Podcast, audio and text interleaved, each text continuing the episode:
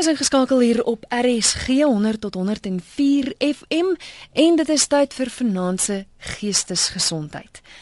Vir die derde keer in 'n ry is my gas kliniese sielkundige, Suzelle Lou. Goeienaand Suzelle. Goeienaand Christel en goeienaand aan al die luisteraars. Ons het nou die afgelope 2 weke gepraat oor selfdood. Ons het gekyk na waarskuwingstekens, risikofaktore. En verlede week het ons gekyk wat maak die gesin, die wat agterbly as as 'n tiener wel geslaag het daarin om sy eie lewe te neem. Maar vanaand gaan ons kyk weer na selfdood, maar ek dink dit gaan weier uit. Mens kan kyk na enige traumatiese gebeurtenis in jou lewe en ons gaan kyk na posttraumatiese groei. Nou, ek wil by jou hoor. Ek is seker dit klink vreemd vir luisteraars om te dink dat uit iets wat so hartseer so selfdood is, kan daar iets positiefs gebeur. Is dit regtig moontlik? Stel ek het dit in my eie lewe ervaar dat dit so gebeur het dat ek baie groei ervaar het en in navorsing het hulle gevind dat 30 tot 70% van getraumatiseerde mense aangedui het dat hulle gegroei het en hulle het dit direk toegeskryf aan die groot trauma wat met hulle plaasgevind het. Dit was nou nie net van toepassing op selfdood nie, dit was 'n wye verskeidenheid van traumas. So met ander woorde, as die trauma nie plaasgevind het nie, sou hulle waarskynlik nie die groei ervaar het nie. Korrek, die gevolgtrekking van die navorsers was dat jy eintlik gemaak is om te groei, maar dat hierdie potensiaal meestal dormant of rustend is. En wanneer daar dan 'n krisis in jou lewe gebeur, is dit asof daardie krisis die engine word wat groei in jou lewe aan die brand skop.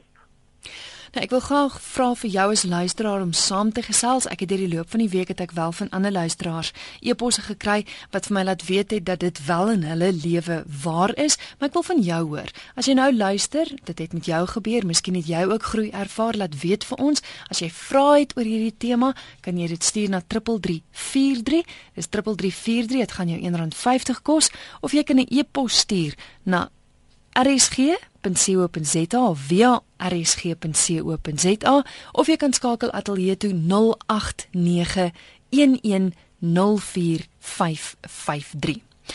Goed, selfs so groei is 'n positiewe ding. Maar wat presies word bedoel met groei? En daar word dit op drie vlakke onderskei, Christel. Die eerste vlak is verhoudings word verryk.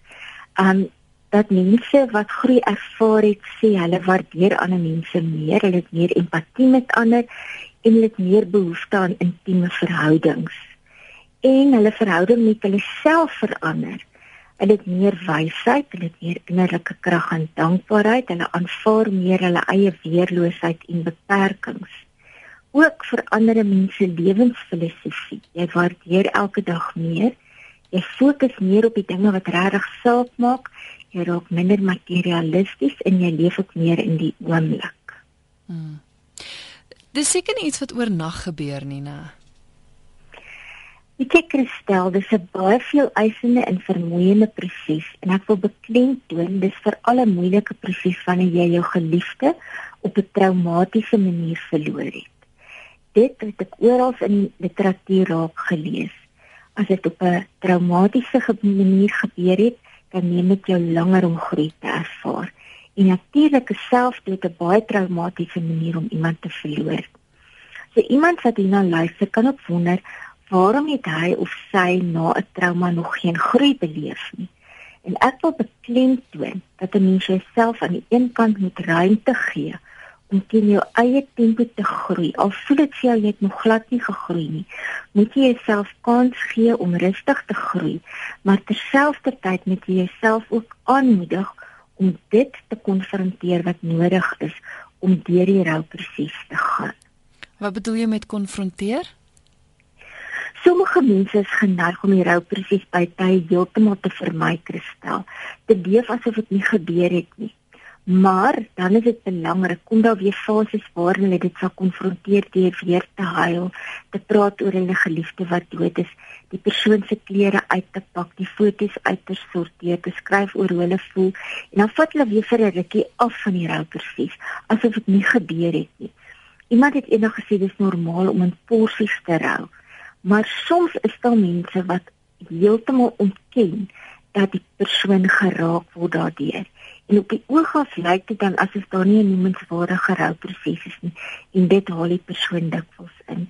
Ek wil net hier 'n voorbeeld noem um, wat nogal dit vir 'n mens mooi verduidelik. As jy in 'n trauma beland het, um, dan is dit asof jy uh, jou gedagtes en jou um, emosies skielik in 'n in 'n tas instop want jy kan nie nou deel met daai emosies en gedagtes nie. Stop dit in tas en jy gryp daai tas en jy hardloop verder.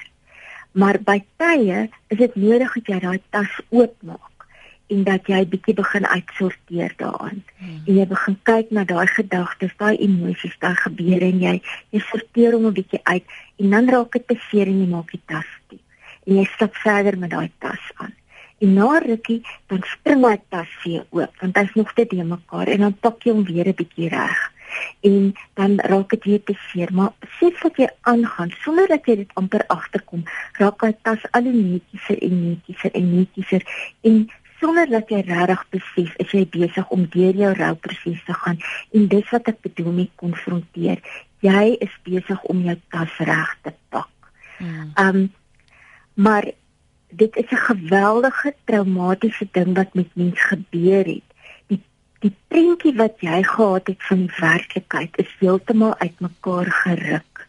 Byvoorbeeld as jou prentjie was dat jy en jou man saam gaan oud word en hy neem sy lewe, moet daar 'n geweldige aanpassing in jou binnekant kom. Ook so so ook as jou prentjie was dat jy voor jou kind gaan sterf en jy verloor jou kind byvoorbeeld aan selfdood of ongeluk of wat ook al.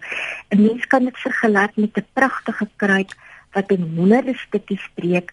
Selfs al probeer jy dit weer aan mekaar plak met die sterkste gom, gaan jy dit nooit beseer op dieselfde manier as 'n kruitjie in jou lewe nie. Dit dit gaan 'n swak kruik wees. Dit gaan nooit weer dieselfde wees. Hmm. Ek het 'n e-pos gekry van 'n luisteraar wat sê alhoewel ek geweldige groei na my kind se selfdood beleef het, het ek ook maar dikwels gevoel dat die prys wat ek daarvoor betaal het by verre te groot was. Die lesse was bitter en as die keuse myne was, sou ek eerder my kind by my wou hê. Vandag egter weet ek dat sonder daardie trauma ek nooit die waagmoed sou gehad het om sekere dinge te kon aanpak nie. Ek het belangrike vaardighede aangeleer en ervaar dat God die nodige toerusting in my mandjie gepak het waarmee ek ander mense in 'n soortgelyke situasie kan help. Iets kosbaar is aan my gegee en ek staan in diens van die Here. Ek moet net die bereidwilligheid hê om aan te meld. Maar dieselfde luisteraar, mens kan nou duidelik hoor sy het gegroei, maar sy vra gebeur posttraumatiese groei in alle gevalle en indien nie, waarom nie? Um ek wil net luisteraar sê sy vat dit ongelooflik goed saam. Sy sê die Here gee vir 'n mens in 'n mandjie die toerusting wat mens nodig het om weer uit te reik na ander mense, want dit is presies wat gebeur. En ek wil ook met haar saamstem as sy sê dit is nie wat 'n mens gekies het nie. Mm. Maar terwyl jy nou nie jou kind kan terugkry nie of jou geliefde kan terugkry nie, um moet jy soort van so die Engelse sal sê settle vir wat jy kon gekry het en jy moet in dankbaarheid daai mandjie vat en verder stap. Dis 30 tot 70% van mense wat in die verskillende navorsingsstudies gesê het dat hulle gegroei het. So dis nie alle mense wat daarvan getuig nie. Maar um My ervaring in praktyk is, ek het 'n vraelys wat ek met mense doen. Um wanneer hulle my by my begin um in terapie en dan sien na die einde se kant, dan doen ek weer daai vraelys met hulle. En die vraag is daarop gemik om te kyk in hoe mate het hulle gegroei vandat ons met terapie begin het rondom die saak waarvoor hulle na my toe gekom het um, dis nou die trauma mm. en in hoe mate het hulle gegroei teen die einde van die terapie. En baie keer sê mense vir my voordat hulle die laaste keer die vraelys invul, ek ek weet nie of ek so baie gegroei het nie. Ek voel baie beter, maar ek weet nie of ek baie gegroei het nie. Maar as hulle daai as jy twee vraelyse se resultate vergelyk, dan is daar noemenswaardige groei. Sure. Die punt wat ek wil maak is, dit is baie moeilik om self te evalueer of jy gegroei het of nie. Hmm. Hierso is 'n klomp subjektief betrokke by jouself om dit werklik waar te kan evalueer. Hmm. Is 'n klomp luisteraars wat getuig van groei in hulle lewe. Iemand sê so ja, trauma kan tot jou voordeel strek. Borskanker was die beste wat met my kon gebeur het. Daardeur kon ek in my menswees groei en meer word as wat ek was. Dankie vir God se groot liefde, so sê Anna. Dan is hier ook 'n ander luisteraar wat sê Ek het my man 14 jaar gelede aan die dood afgestaan. Was moeilik, maar besef nou dat dit nou 'n geleentheid is om myself as mens uit te leef. Hier's 'n anonieme luisteraar wat sê, "Is daar enige fisiese veranderings in die brein na traumatiese gebeurtenisse?" Mens verstaan dat daar dinge seker met jou met jou lyf, maar gebeur daar fisies iets, Sesel? Nou sê my in 'n hoor. ek neem aan dan moet fisies iets gebeur want dan die chemiese stowwe wat deur jou brein afgeskei word die um adrenalien en noradrenalien wat afgeskei word al daardie um streshormone wat afgeskei word dit moet 'n effek hê op 'n mens se brein um en dit het op 'n mens se hele liggaam trouens 'n geweldige effek hmm. So ek dink nie dit is so absolute ingrypende ervaring trauma dat 'n mens die einde daarvan ek dink vir jare nog daarna het ek ervaar dat ek as ek net gedink het aan die trauma, het ek dit nog in my kat daai verskriklike skokgevoel ervaar. Jy het nou vroeër genoem dat mens besef niks gaan ooit weer dieselfde wees nie. Daai prentjie wat jy gehad het, dis nou anders. Dis dan maar laat dit mens nie bietjie moedeloos voel as jy as jy met daai gedagtes rondloop van niks is ooit weer dieselfde nie. Weet jy, Christel, dis hard, maar dis waar. Dis iets wat mens een of ander tyd in jou rouproses moet aanvaar. Jy gaan jou ou lewe nie weer terugkry nie al doen jy wat. Dit is nie daai kruik wat geval en gebreek het, se stukkies nou aan mekaar of gedurig aan mekaar weer wil plak, dan gaan jy 'n verswakte kruikie wat met 'n ligte stampie weer uitmekaar gaan val. Maar as jy die stukkies van die kruik gaan neem, die skerp punte gaan glad vuil, nog gekleurde blokkies bysit en 'n mosaïekstel van maak, dan kan dit 'n nuwe storie vertel van hoe jou ou lewe en nuwe lewe saam 'n nuwe prentjie maak. Van hoe jy in sommige opsigte sterker geword het as voor die trauma. En dit kan vertel 'n storie vertel van spesiale mense wat deel van jou lewe geword het as gevolg van die trauma. Dis 'n storie wat ander mense wat ook deur trauma gaan, hoop kan gee. Nou, jy praat van hoop. Dis seker iets wat mens baie nodig het wanneer jy posttraumatiese stres het, is om te bly hoop.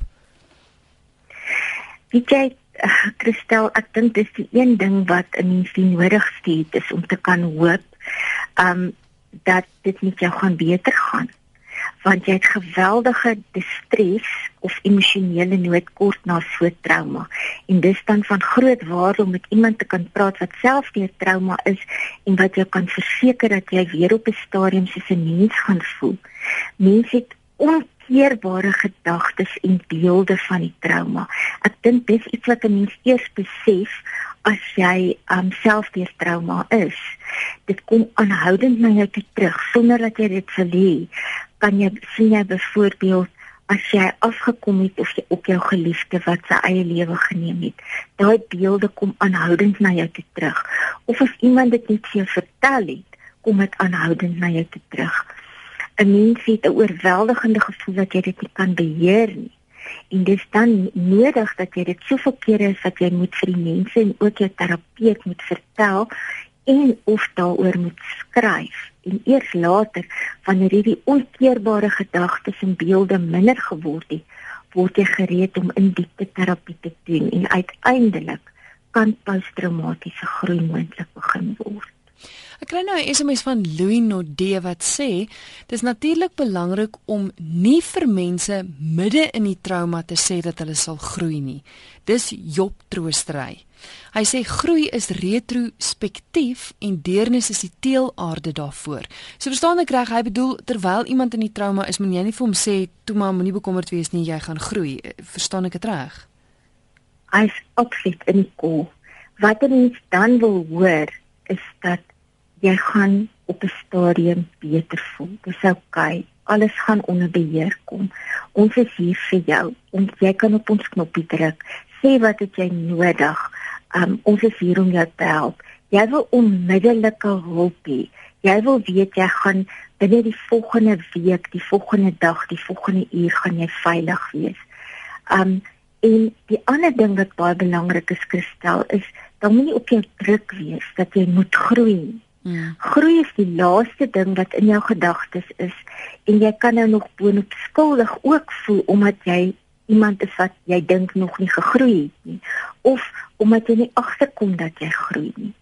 So groei is 'n nuwe produk van 'n lang pad wat jy gestap het. Dis nie iets wat wat jy waarop jy vir jouself of waarvoor jy druk op jouself moet sit nie. Jy is ingeskakel op RSG en jy luister na Geestesgesondheid. My naam is Christel en my gas vanaand is kliniese sielkundige Sesel Lou en ons gesels bietjie oor posttraumatiese groei. Hier is 'n luisteraar wat 'n SMS gestuur het, Sesel wat sê my kind het 5 jaar terug in 'n ongeluk uh, iets kom verloor en ek kan nie na sy graf toe gaan nie en sy kamer is nog net so. Ek kan dit nie skoon maak nie. Wat staan my te doen? Ek het so empatie met jou.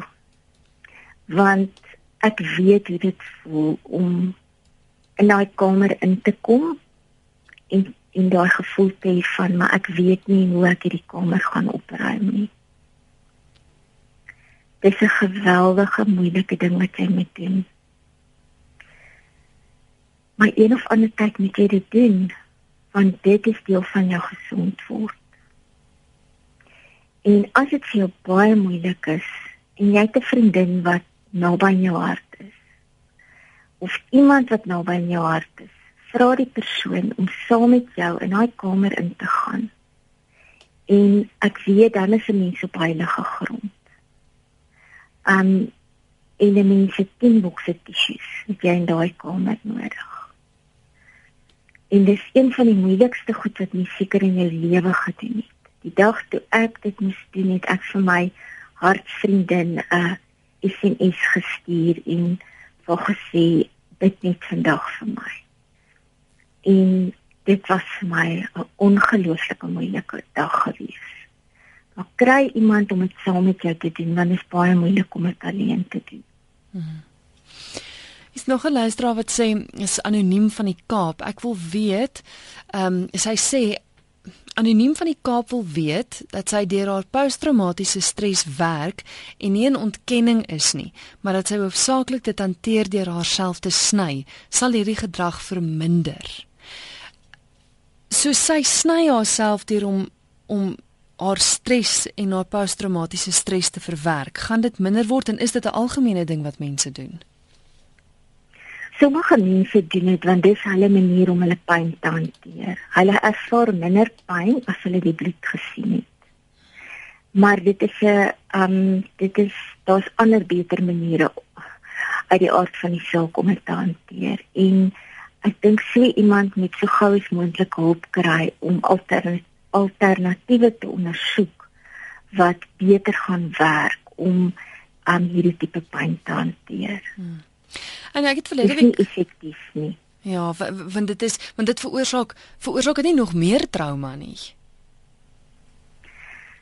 Ja, ek dink die persoon kom nie uit by wat sy regtig na soek nie. Hmm.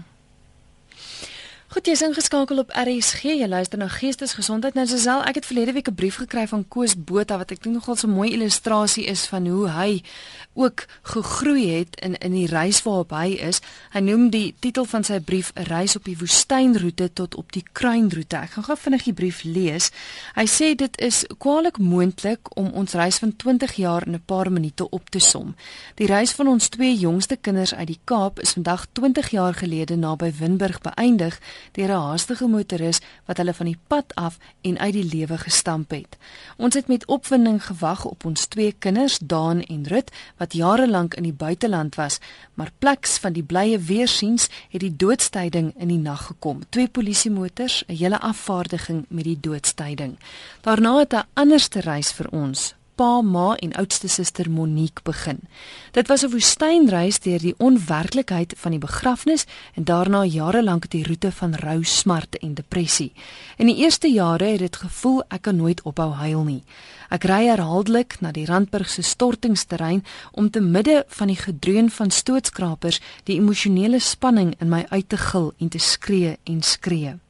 4 en 10 en 17 jaar gaan verby, maar die een besef bly altyd daar. As ek môre opstaan, sal Dani hier wees nie. En Rut sal nie in haar kamer slaap nie. Hulle sal nie weer saam met ons in die swembad baljaar nie en sal nie weer saam met ons na Carmina Burana luister nie. Die dood van jou kinders beteken pyn wat jou siel verlam en liggaamskrag uitput, maar tog het ons gewoond geraak aan die lewe sonder hulle.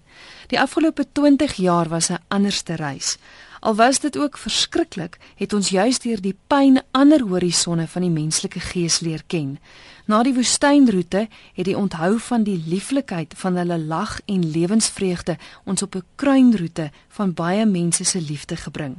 Daagliks onthou ons die baie mooi dinge van ons lewe saam met die kinders wat ons geleer het hoe om liefde te gee en om liefde te ontvang. Die herinneringe is soos flenters van die ewigheid wat ons harte verwarm. Monique se broer en suster bly nog altyd 'n groot en innige werklikheid, want as jy jou kinders liefgehad het, bly hulle altyd binne jou, deel van jou. En al sou die onthou ook eendag tot in die vergetelheid vervaag wanneer niemand meer van hulle praat nie, weet ons hulle sal ewig nog God se glimlag oor hierdie lewe bly. Dit is die reis wat vir ons beskore was. En miskien het die pyn ons gelouter om die lewe intenser te ervaar. En daarom staan ek voordag op om buite na die daglemuur te luister. Ek kyk deur die boomtakke op na die naghemel bo en ek voel skoon en ruim oor hierdie wonderlike vrede lewe. Dit is my vrede en dit is my rus om te weet dat ek saans insluimer in die tent van die ewigheid en soggens in God se voorhof ontwaak. Groete Koosbota. Stem jy saam met sy brief? Het jy kommentaar? Ja, dit is 'n geweldige pad wat hulle gestap het en nog steeds stap, né? En 'n mens kan net weet as dit al as mens so pad gestap het en daar's groei, dan sien mense in dieselfde asem daar was geweldig baie pyn. Mm. Hier's 'n luisteraar wat sê, ek het my seun in 'n motorkaping verloor. Ek het nooit sy liggaam teruggekry nie. Die kapers het dit ook geneem. Hoe verwerk mens dit? Het jy al graad aan die luisteraar?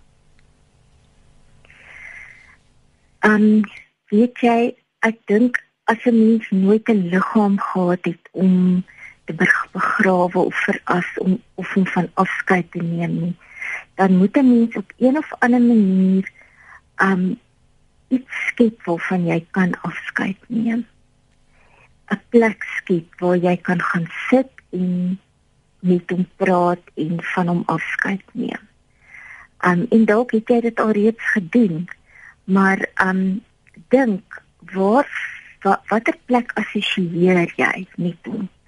Um miskien 'n hoek in jou tuin, miskien 'n plek in die wildtuin of waar ook al en gaan na daai plek toe en vat miskien iets saam wat jy ook met hom assosieer. Um miskien sy hoed of um 'n boek van hom of iets.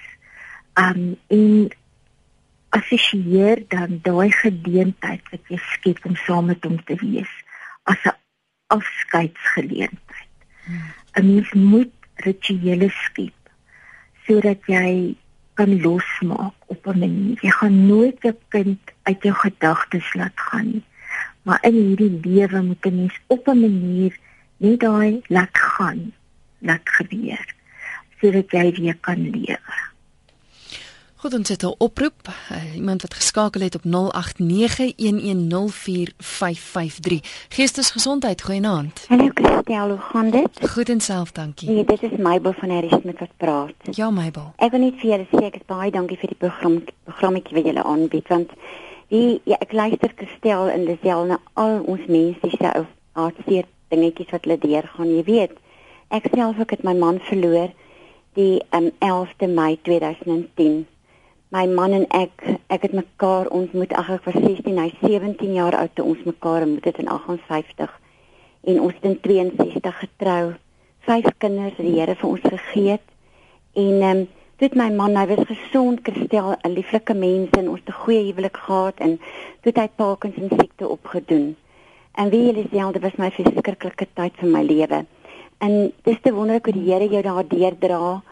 Maar die ergste my man is toe oorlede in 2010 en daai aanpassing was my verskriklik. Hmm. Jy weet jy kan nie vir iemand vertel dis so benoudend voel in jou binneste. Jy kan nie jy weet my dogter het hier rukkie by my gebly en toe sy weg is, dan voel ek al mal word. Ek het daar my my bed by my voete oor die bed ge gepik en gehuil.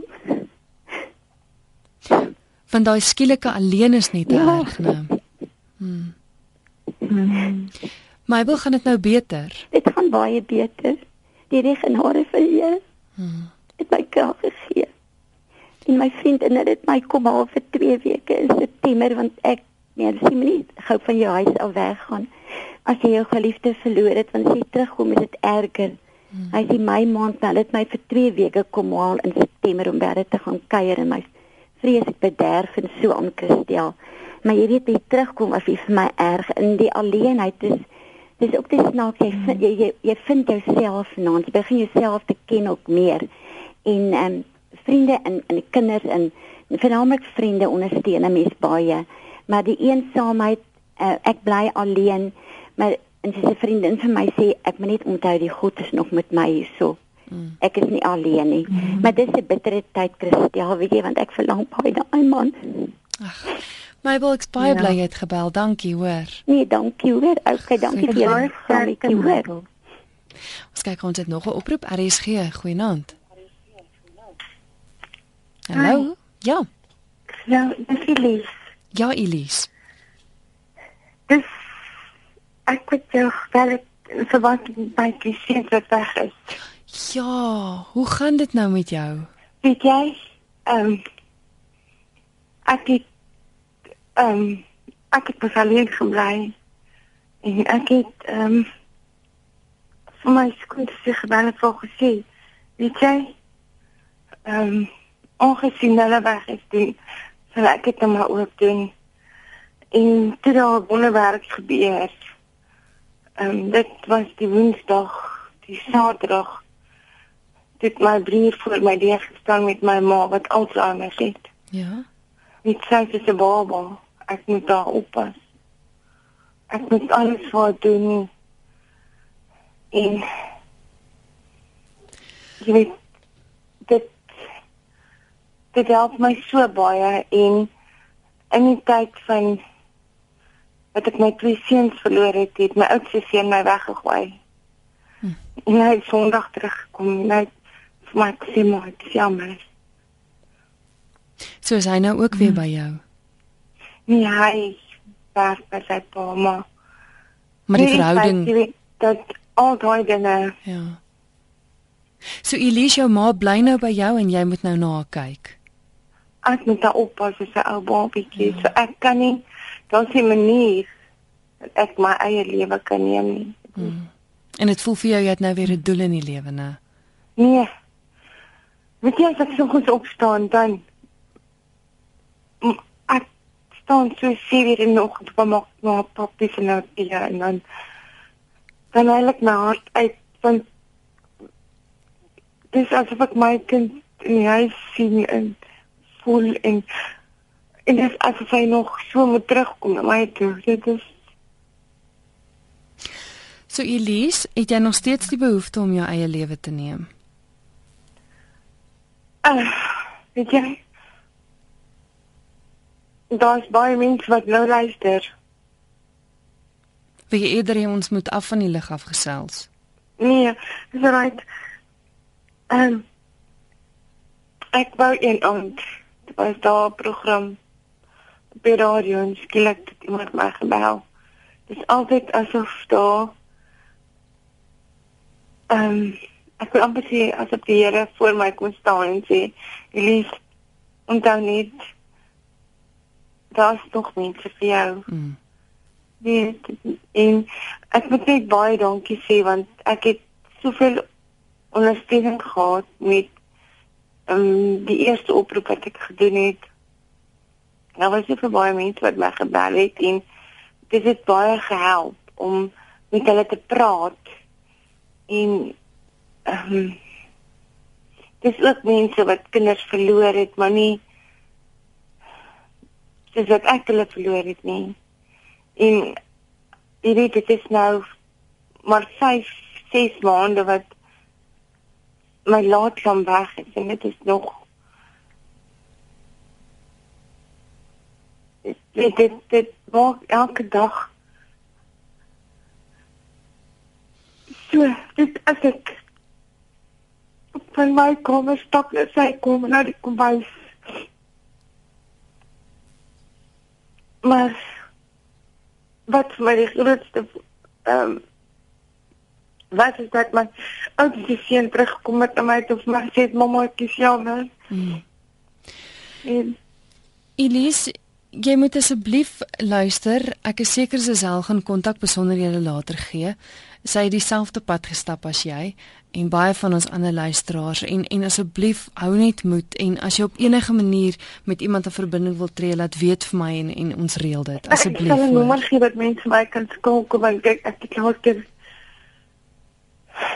soveel en Goed. Gee gou gou gekry en um, ek sal 'n nommer gee. Goed, gee gou jou nommer. Is 0768 Ja. 304 Ja. 550 Ek kan hom gou herhaal dat jy seker maak is reg 0768 304 553. Is reg. OK. Elise baie en dankie dat jy dat dit is weet jy hoe is my ma? Ek moet daar so op as 'n baba. En dis hoekom ek nog hierdie tyd vir die nag wakker is. Hmm. Ehm um, dis die tyd wat ek moet huis skoon maak en alles my honde versorg en alles moet en dan gaan ek sit en dan krimp ek in mekaar, weet dit is uh, soos my kamer is dit nog net soos wat dit was. Ja. Ek ek maak nie sy eie kamer skoon nie. Die bediening kom maak sy kamer skoon. Elise ek's baie bly jy het gebel en um, ek gaan nou by Elise ag by Sesel hoor of sy vir jou enige raad het vir nou onmiddellik. Sy jy luister by die radio, hoor? Ek sal. Okay, dankie, hoor. Dankie. Ja, so selfs as jy kan hoor, ek weet sy het 'n vorige keer het sy ook gebel. Albei haar seuns het hulle eie lewe geneem en soos jy nou hoor, ek die jongste een, ek dink 5 of 6 maande terug. So haar seer is nog is nog baie rou. Enige raad wat jy vir Elise het? Ek dink Elise um illustreer net vir ons hoe belangrik dit is om nie moed op te gee nie. Want wanneer 'n mens dink dit die donkerste is, dan kom daar baie keer uitkoms en die sy gedink het dis op die donkerste titel maar daar aangekom en sy het weer 'n rede om voort te leef. Mm. En Elise vat dit rustig. Um dis maar 5 maande. Uh jy moet jouself die kans gee om nou eers ek dink mens kan dit bomskop noem waarin jy jouself nou bevind om eers net jouself weer uit hierdie verskrikking te te kry waarin jy op die oomblik is. Um dit is alles so vars. Jy moet eers net herstel van die van die onwerklikheid ook van wat gebeur het. Dit neem my se hele ruk om te kan glo dit het met jou gebeur en nou dit sommer 'n tweede keer met jou gebeur. Um in die kamer gee dit maar 'n rukkie kans. Um dit het my 'n jaar geneem om daai kamer te begin uitpak. Gee dit 'n rukkie kans. Gaan sit partykeer net in die kamer en al is dit vir 5 minute, sit net bietjie daar en dan gaan jy weer aan. Maar jy's baie dapper en ek dink jy moet jouself daarvoor um eer gee dat jy dapper is vir jou ma sorg en aangaan. En as jy hartseer is, huil en skryf daaroor kry jy jou boekie en skryf elke dag dan hoe jy voel. Dit help geweldig. Tsel, die tyd het ons ingehaal. Hier's nog so baie vrae en so baie luisteraars wat hulle stories met ons wil deel. Is daar 'n manier hoe luisteraars met jou in verbinding kan tree as hulle dalk 'n pad met jou wil stap of of raad by jou wil kry? Het jy 'n e-posadres miskien waar hulle jou in die hande kan kry? Ja, my e-posadres is c i z e l l e @atlantic.net. En baie dankie dat jy die afgelope 3 weke my gas op die program was en dat jy ons gehelp het en ek seker vir die luisteraars met soveel vrae wat hulle het en en veral jou jou kennis wat jy met ons gedeel het. Baie dankie. Dit is 'n groot voorreg, Christel.